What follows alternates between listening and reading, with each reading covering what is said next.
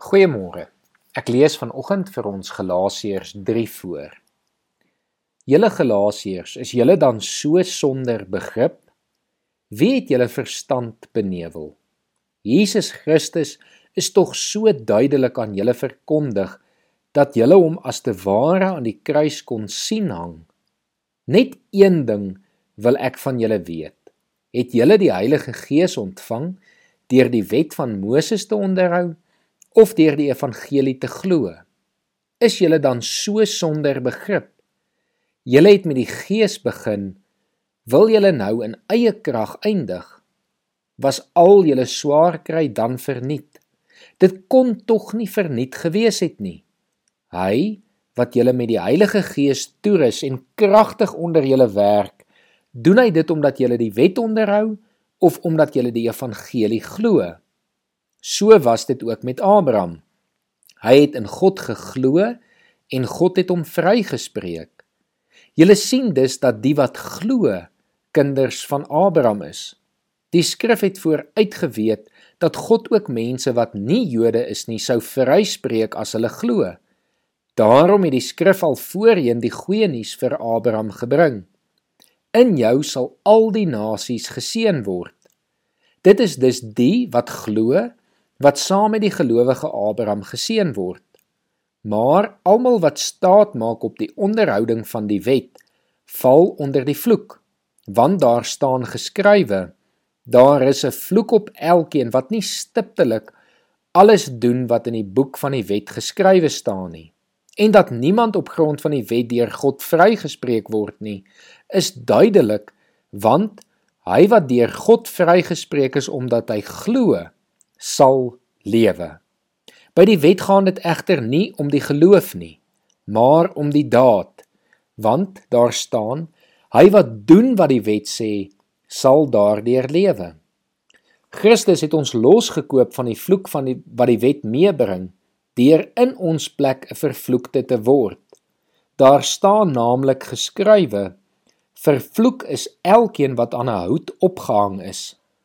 Daardeur kan ook hulle wat nie Jode is nie, deur Christus Jesus deel kry aan die seën wat God aan Abraham toegesê het.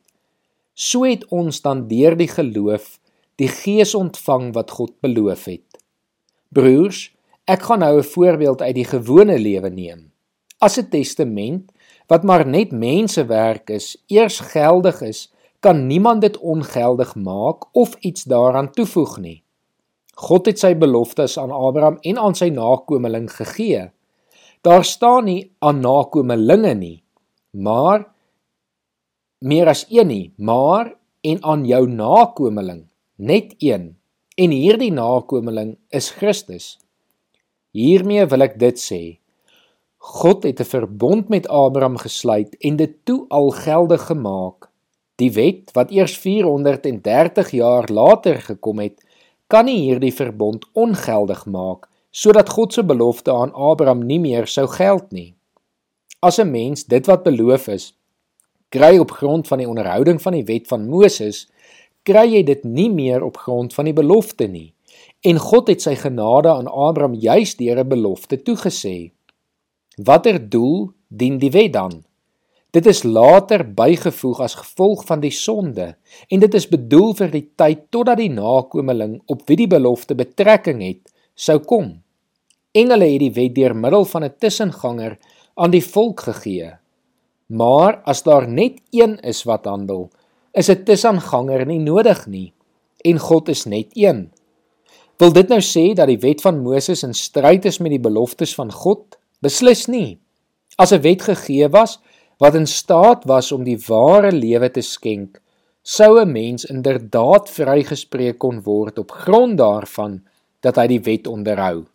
Maar volgens die skrif is die hele wêreld vasgevang in die greep van sonde. Die belofte word dus vir die gelowiges vervul alleen op grond van die geloof in Jesus Christus. Voordat hierdie geloof gekom het, is ons deur die wet gevange gehou en bewaak totdat die tyd van die geloof sou aanbreek. Ons was dus onder die toesig van die wet totdat Christus sou kom, sodat ons deur te glo vrygespreek sou word. Maar nou dat die tyd van die geloof gekom het, staan ons nie meer onder die toesig van die wet nie. Deur hierdie geloof in Christus Jesus is julle nou almal kinders van God, want julle almal wat deur die doop met Christus verenig is, het nou deel van Christus geword. Dit maak nie saak of iemand 'n Jood of Griek, slaaf of vry, man of vrou is nie. In Christus Jesus is julle almal een. En as julle aan Christus behoort, is julle nakommelinge van Abraham en erfgename kragtens die belofte van God. Verbeel jou vir 'n oomblik jy is in die tronk. Jy het geen manier om uit die tronk te kom nie en boonop verdien jy om in die tronk te wees. Maar eendag word jy wakker en die tronkdeure is waawyd oop en jy kan maar net uitloop. Daar is ook vir jou 'n briefie gelos wat vir jou sê dat jy vrygespreek is van alles wat jy gedoen het. In 'n sin is dit presies wat hierdie hoofstuk in Galasiërs vir ons wil sê. Ons was vasgevang deur die wet. Ons was skuldig en het geen toekoms gehad nie. Maar toe kom Jesus en spreek ons vry. Maak die deure oop en gee vir ons die kans om uit te kan stap. Hy het ook vir ons die Bybel gelos wat vir ons hierdie bevestig.